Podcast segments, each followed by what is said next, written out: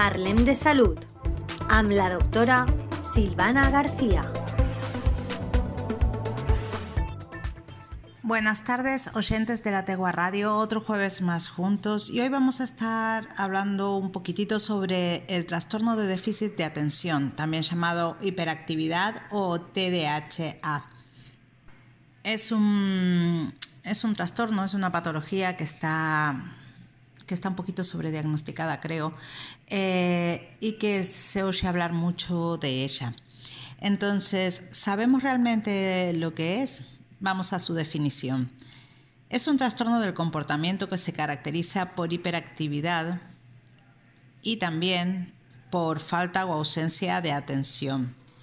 Afecta más o menos a un 5% de los escolares entre 6 y 16 años.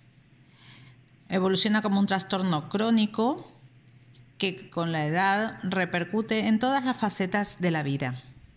¿Y cuál es la causa? en realidad no se conoce con precisión.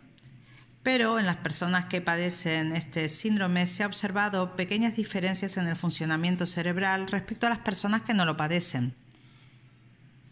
También se habla sobre un factor genético, ya que el TDAH es más frecuente en niños que tienen familiares con este problema.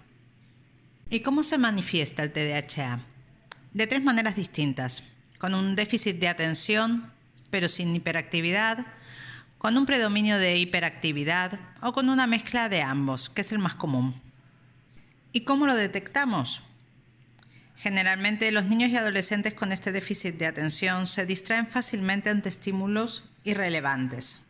No prestan atención a los detalles, parecen no escuchar cuando se les habla, parecen tener la mente en otro lugar y abandonan o cambian de una actividad a otra sin finalizar ninguna como que se cansaran o se aburrieran. A veces cometen errores por descuido, no siguen instrucciones ni completan las tareas, tienen dificultades para organizar tareas y actividades. A veces evitan o no les gustan las actividades que requieren periodos más largos de esfuerzo mental. Pierden o olvidan artículos necesarios para realizar las tareas. Tienen olvidos en las tareas cotidianas. No son capaces de mantener la atención durante un tiempo normal muchas veces tienen una escasa persistencia en la realización de las tareas y no consiguen permanecer concentrados un tiempo similar al que pudiera hacerlo otro niño de su misma edad. En la hiperactividad, en cambio, los niños son inquietos y agitados, corren y saltan en situaciones en las que son en las que es inadecuado, perdón. No son capaces de permanecer sentados. Responden antes de haber escuchado la pregunta completa.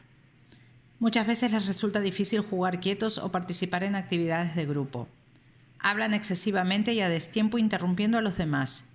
Pueden tomar parte en actividades físicamente peligrosas sin considerar las consecuencias.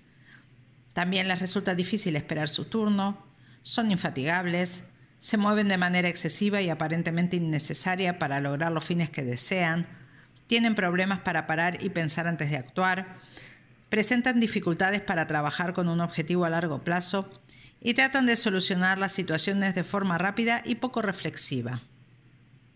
¿Y qué pasa si sospechamos de que nuestro niño tiene un TDAH? Siempre es, fundamental identificar este trastorno y poder diferenciarlo de otros. Entonces es importante acudir al médico especializado para que pueda valorar la situación y realice un diagnóstico adecuado hay que descartar que no existan otras condiciones o circunstancias que puedan estar causando o agravando los síntomas. Problemas de aprendizaje, también del lenguaje, agresividad, ansiedad o depresión, por ejemplo. ¿Y cómo se trata el TDAH? El TDAH se puede tratar mejorando el comportamiento y aumentando la atención. Y el trastorno es mucho más llevadero cuanto más precoz sea el diagnóstico y el tratamiento. Se trabaja coordinadamente entre médicos, psicopedagogos, la familia y el colegio. Se les puede enseñar hábitos de estudio, mejorar el comportamiento y mantener alta la autoestima. También hay tratamientos combinados con medicación, que en la actualidad existen distintos tipos de medicamentos que pueden ayudar a controlar el comportamiento y aumentar la atención. También son importantes las intervenciones cognitivo-conductuales y la intervención familiar. Recordar que el tratamiento tiene que ser coordinado y multidisciplinar entre médicos, psicopedagogos, familia y colegio. Espero que les haya gustado. Gracias por estar y compartir. Los saluda Silvana. Hasta el próximo jueves. Parlem de Salud. Am la doctora Silvana García.